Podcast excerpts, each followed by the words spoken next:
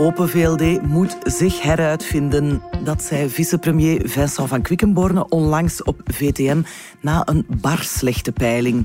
Als een liberale partij zich kan heruitvinden, en dat is de bedoeling, dan kunnen we opnieuw mensen aanspreken.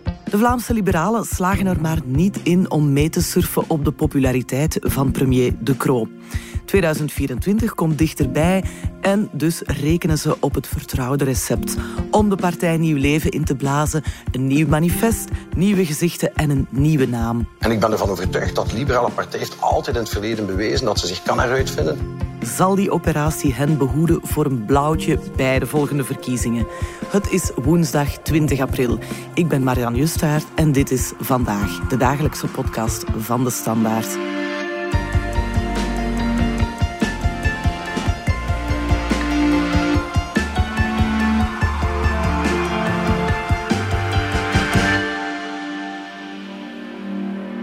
Bij mij in de studio zit Bart Brinkman, senior writer van de Wedstraatredactie. Welkom Bart. Ja, jij volgt Open VLD en het lijkt helemaal niet zo goed te gaan met die partijen. De partij heeft echt een, een, probleem. De peiling voor het eerst onder de 10% Je kunt zeggen het is maar een peiling, maar 10% dat is toch een, een mentale drempel waar je grandioos bent doorgezakt partij heeft natuurlijk een dubbel probleem. Het eerste probleem is waar alle traditionele partijen mee worstelen. Een gebrek aan profiel, een gebrek aan aantrekkingskracht. De samenleving is meer gepolariseerd. En dus deelt ze eigenlijk het lot van CD&V en Vooruit. Waren het niet dat er bij Vooruit toch sprake is van, laten we zeggen, een, een zekere dynamiek naar omhoog... En een tweede probleem waar VLD natuurlijk mee worstelt, is het feit dat ze het omgekeerde hebben gedaan van wat ze gezegd hebben dat ze gingen doen. Namelijk, ze gingen nooit toetreden tot een regering zonder de NVA. En ze hebben het toch gedaan.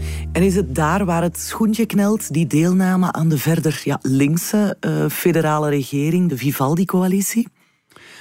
Ja, dat wordt toch zo binnen de partij gepercipieerd. Dat men dat heel moeilijk van zich kan afschudden. Dat is natuurlijk ook het probleem van de voorzitter zelf. Egbert Lachaert in 2020 heeft echt campagne gevoerd als kandidaat-voorzitter. Met te zeggen, nooit gaan wij in een kabinet zonder de NVA. Ja, als je dan het omgekeerde doet, als je dan een, laten we zeggen, een programma aanvaardt dat toch ja, af en toe flink in tegenspraak is met het manifest waarmee dat je naar de VLD-kiezer bent gegaan om voorzitter te worden, heb je natuurlijk een geloofwaardigheidsprobleem. En daarnaast, en dat is misschien, als we even teruggaan in de tijd, het is niet de eerste keer dat VLD deel uitmaakt van een paarsgroen kabinet, twintig jaar geleden onder leiding van Verhofstadt, maar toen slaagde Verhofstadt erin om, laten we zeggen, het elan van de regering gelijk te trekken met het elan van de partij. Als de regering het goed doet, doet de partij het mhm. ook goed. En dat is iets wat op dit moment totaal niet gebeurt. Dus alles wat deze regering doet, goed of slecht, uh, ja, de VLD maakt er als het ware geen deel van uit. En plukt daar niet de vruchten van. Hè? Nochtans is de premier, Alexander De Croo, is wel heel populair. Hè? getrouwheid aan de koning gehoorzaamheid aan de grondwet en aan de wetten van het Belgische Maar hij is dus geen nieuwe Guy Verhofstadt. Nee, de Croo is geen nieuwe uh, Guy Verhofstadt, omdat ja, het cement van zijn regering is ook helemaal anders. Twintig jaar geleden was het cement van de regering eindelijk die CD&V in de oppositie en dat zorgde op zich al een ella. En men vond elkaar ook in in ethische vraagstukken. Er was ook geld met hopen. Dus eigenlijk ja, alles kon worden afgekocht. Dat is vandaag allemaal niet het geval. Dit is eigenlijk een crisisregering. En het moet gezegd, ja, de Croo scoort daarin wel. Alleen, ja, zijn partij eh, profiteert daar niet van, omdat het is alleen maar de Croo als premier. Het is uh, niet Vincent van Quickenborne als minister bijvoorbeeld. Dus het is op geen enkel manier straalt dat af op die partij. Hij scoort ook meer als staatsman, als de man die uh, ja, ons gezicht naar buiten toe is en zo, dan dat hij echt als liberaal wordt gepercipieerd, heb ik de indruk. Ja, en dat heeft ook te maken met een aantal dossiers die de partij onhandig heeft aangepakt, waardoor eigenlijk... Ja, zeg eens. Bijvoorbeeld het energiedossier heeft de partij zeer ongelukkig aangepakt. Dus de Kroo wilde daar een aantal maatregelen nemen, taxen verlagen. Uh, de VLD was daar tegen, vond dat dat een gevaar was voor de begroting. Dat is natuurlijk ook wel zo.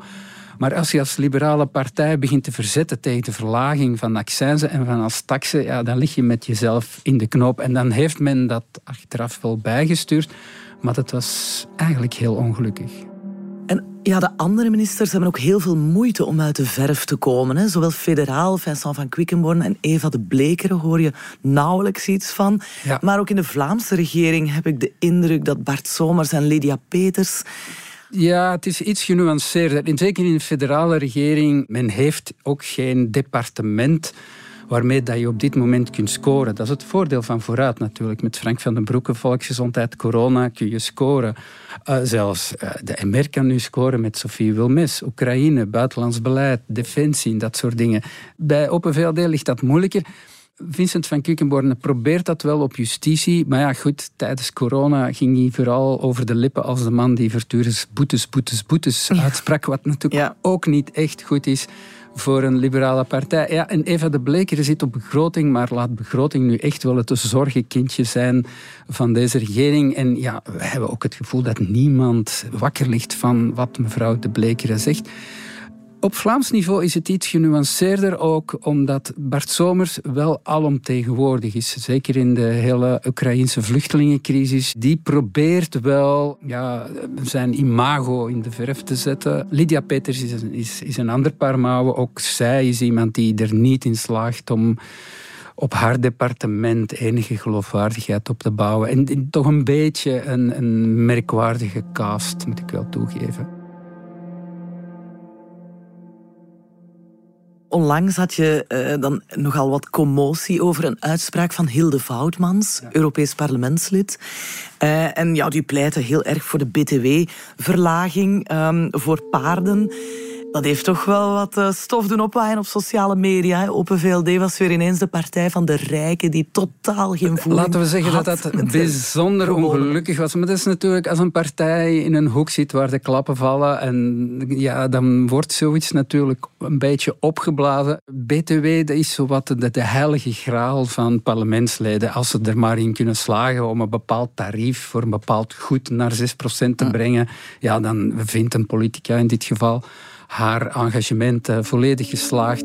Toen ik het las, moest ik toch ook wel toegeven van... Ja, het is zo ongelukkig, omdat je inderdaad op een moment dat mensen worstelen met hun energierekening, dat, dat je een voorthollende inflatie hebt, dus dat je eigenlijk een middenklasse hebt die die toch ook kiezers zijn van, van Open VLD, die zuchten. Als je dan afkomt met het, uh, laten we eerlijk zijn, de paardenkweek, uh, waar de dochter van Bruce Springsteen dan uiteindelijk mee gaat rijden. Als je dan zit te juichen, ja, ja, oké, goed.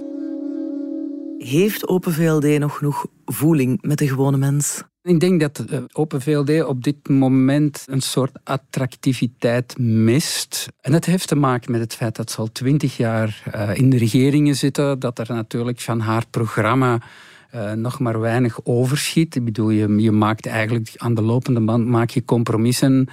Na verloop van tijd vragen mensen zich af, waar staat die partij eigenlijk voor? Een bijkomend probleem zijn een aantal mensen die weg zijn of afgeserveerd zijn.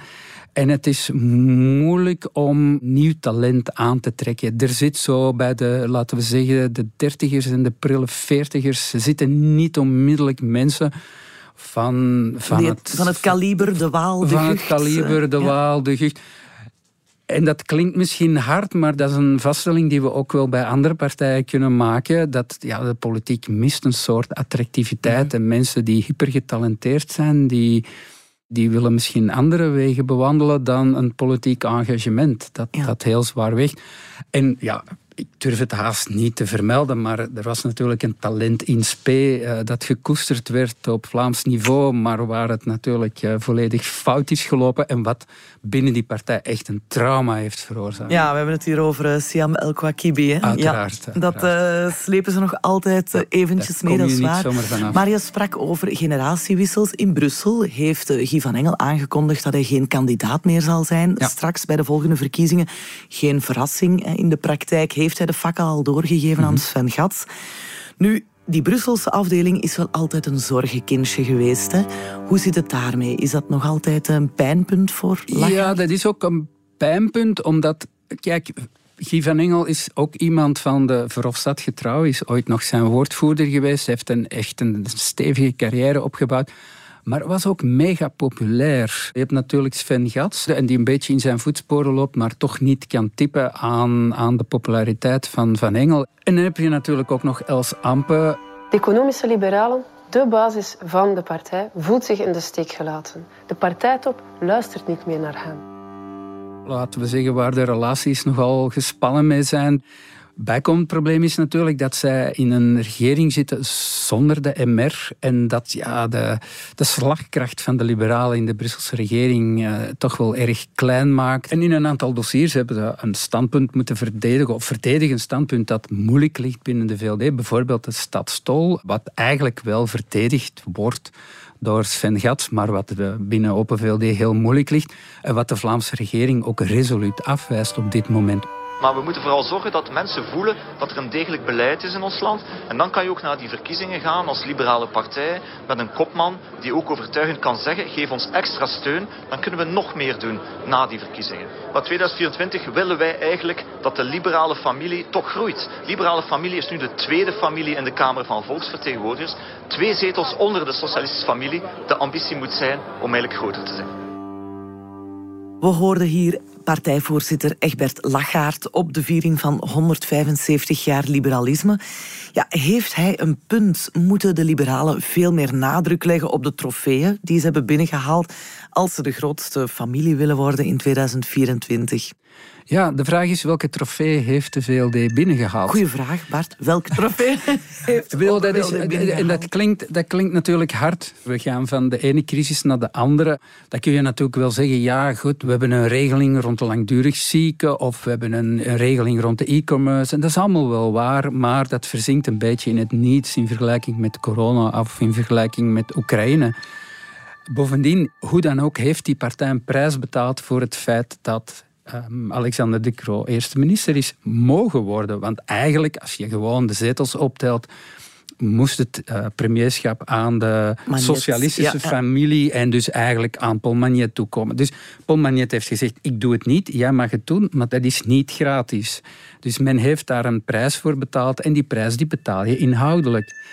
Dus ik denk dat de liberalen inhoudelijk weinig trofeeën, of toch trofeeën die tot de verbeelding spreken, dat die kunnen voorleggen. En het gevolg is, mensen weten ook gewoon niet meer waar Open VLD voor staat. Hè? Nee, nee, ze weten eigenlijk niet waar Open VLD voor staat. En dat wordt soms wel wat erger gemaakt door uitspraken in het genre van hè, Stefanie Doze, voorzitter van de Senaat. Hè, die zegt dan op een bepaald moment, ja, maar eh, wij gaan de Senaat afschaffen. En dan zegt iedereen, ja, schaf ze dan af. Je bent voorzitter. Dan begin je dingen te vertellen die je niet kunt waarmaken. En dat is iets waar mensen gewoon... Dat teert in op uw geloofwaardigheid. En dus willen ze nu... Sorry dat ik jou onderbreek. Maar dus willen ze nu vier dagen uh, maar liefst gaan congresseren... om uh, ja, klopt. het geheel een nieuwe draai te geven. Vertel eens. Men organiseert dit jaar vier congressen. Het eerste is zaterdag, gaat over democratie en over een efficiënt land. Dat gaat dan over de staatsvervorming. Er komt er ook nog over economie, over vrijheid. Dat zijn dan de grondwaarden. En tenslotte ja, inburgering, zeg maar. En dat moet dan uiteindelijk leiden in het voorjaar van volgend jaar tot een groot stichtingscongres met een nieuwe naam en een nieuw programma.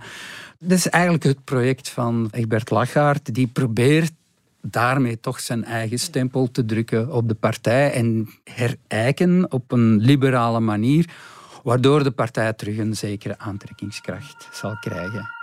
Want misschien een gemene vraag, maar je zei nu voorzitter Lachaert, dit is echt zijn project.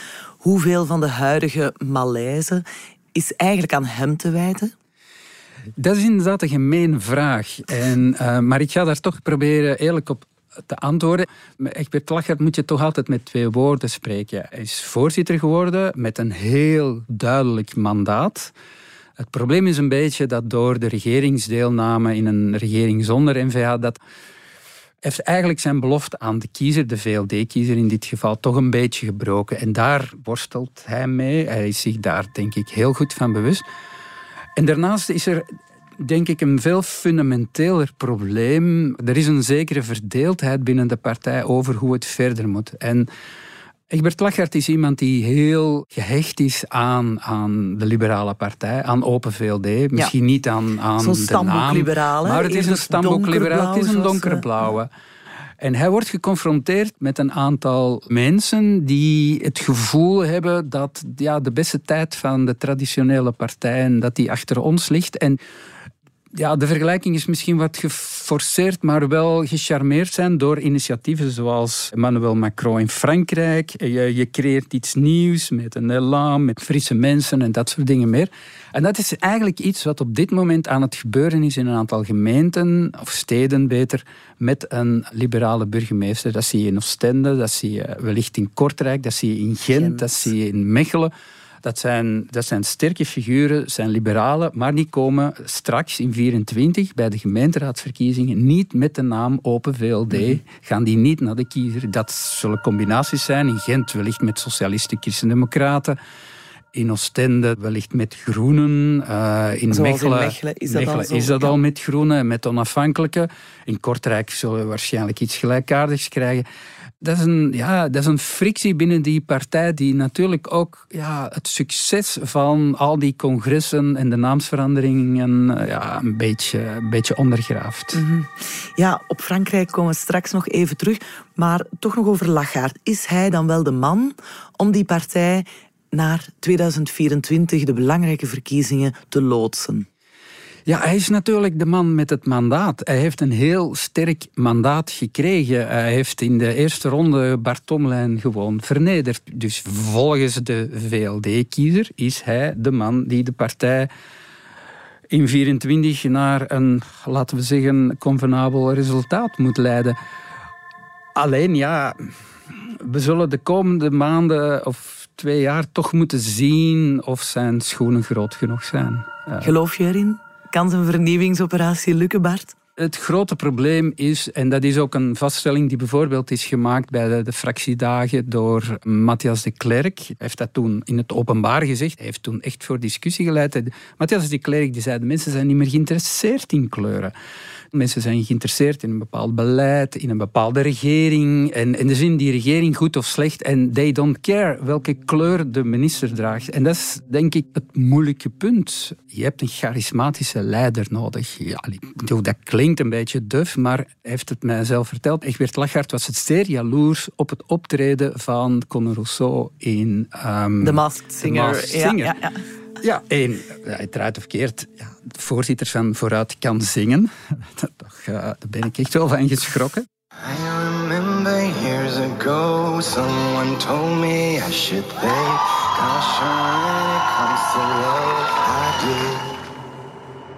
Maar, maar, goed, ik denk zelfs als hij niet had kunnen zingen... En je hebt, natuurlijk wel, je hebt natuurlijk een aantal zuurpruimen die aan de rand staan en zeggen, moet een voorzitter dat soort dingen doen? Maar 90% van de Vlaming vond dat geweldig.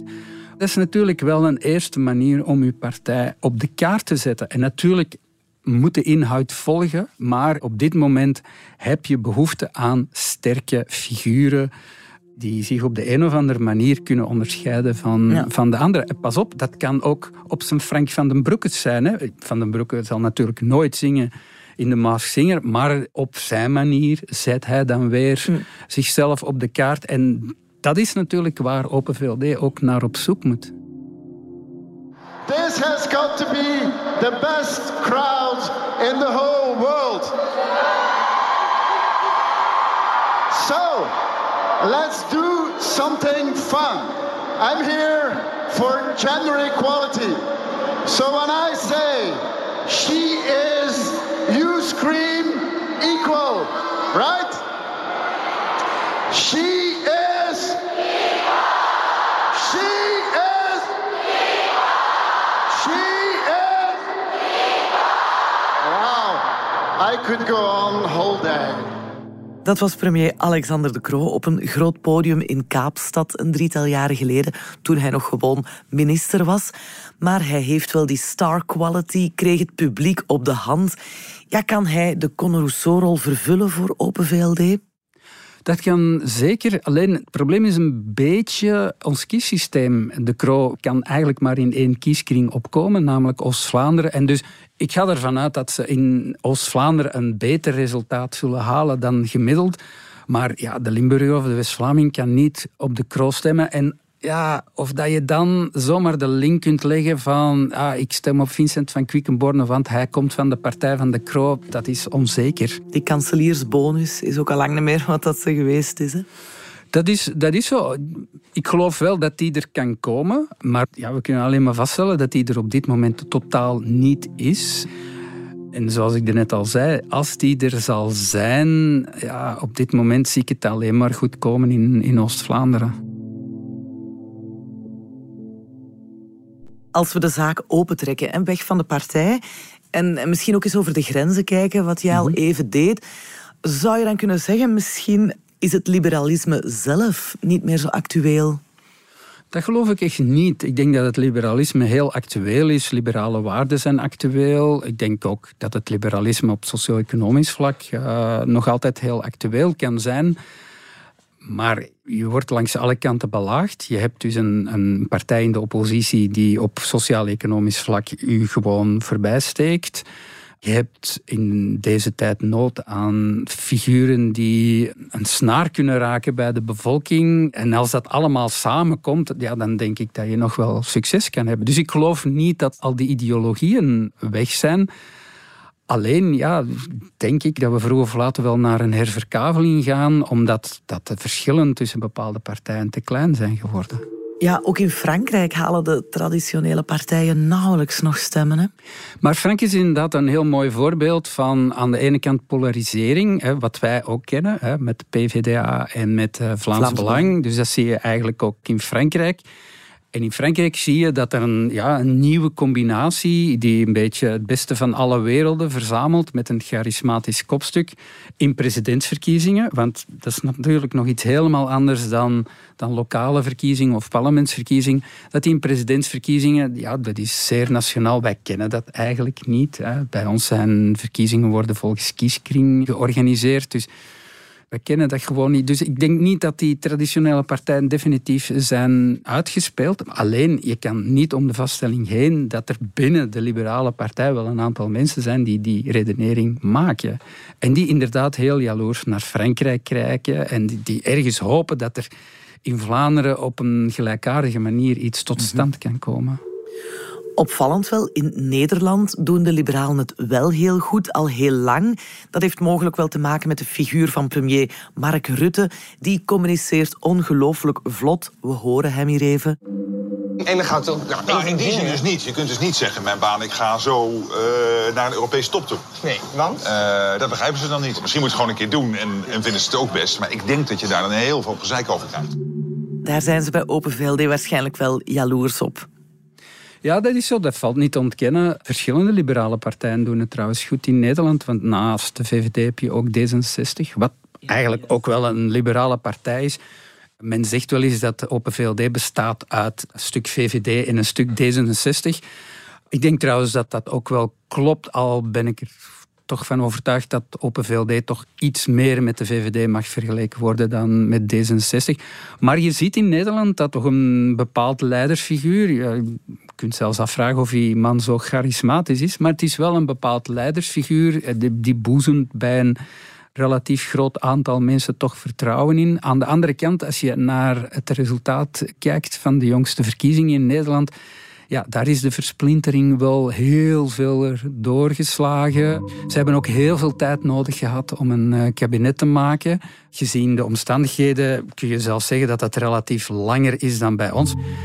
Dus je ziet dat dat land ook wel zijn problemen begint te krijgen rond, rond bestuurbaarheid. En dat je dan ook de vraag kunt stellen of dat, dat een gevolg is van het feit dat Rutte daar heel de tijd blijft zitten. Hoeveel heeft de tijdsgeest ermee te maken? Het zijn bange tijden. Er is geen geld uh, met hopen, zoals in de tijd van Verhofstadt en co. Kunnen liberalen wel floreren in zo wat donkere, onzekere tijden? Ja, dus, dat is een goede vraag natuurlijk. Die tijdsgeest zorgt er zeker voor dat mensen onzeker zijn en dus ja, wel eens een toevlucht kunnen nemen naar extremere partijen die eenvoudige oplossingen hebben, maar aan de andere kant wel appelleren aan een gevoel dat leeft bij de mensen. Bij PvdA is het idee dat mensen niet meer rondkomen. PvdA zegt ja goed, dan gaan we de winsten halen waar ze zitten. Maar evengoed de onzekerheid bij mensen die vinden dat er geen grenzen niet meer zijn of lijken te zijn, dat hun identiteit wordt bedreigd, dat hun cultuur wordt bedreigd door een onbeheersbare instroom van migranten. Dus dan is het gewoon heel moeilijk om met genuanceerde antwoorden ja, die zekerheid te bieden. Vooral omdat, denk ik, ja, die zekerheid er gewoon niet meer is. Mhm. Ik denk dat we de komende jaren zullen nu eenmaal een stuk onzekerder zijn dan 10, 20 jaar geleden. Ja. Heel benieuwd hoe Open VLD of hoe de partij straks ook heet zich uh, daaruit zal kunnen trekken en wie we straks op de verkiezingslijsten zullen zien. Hartelijk bedankt, Bart Brinkman. Graag gedaan. Dit was vandaag de dagelijkse podcast van de Standaard. Bedankt voor het luisteren. Alle credits van de podcast die je net hoorde vind je op standaard.be-podcast. Reageren kan via podcast.standaard.be. Morgen zijn we weer.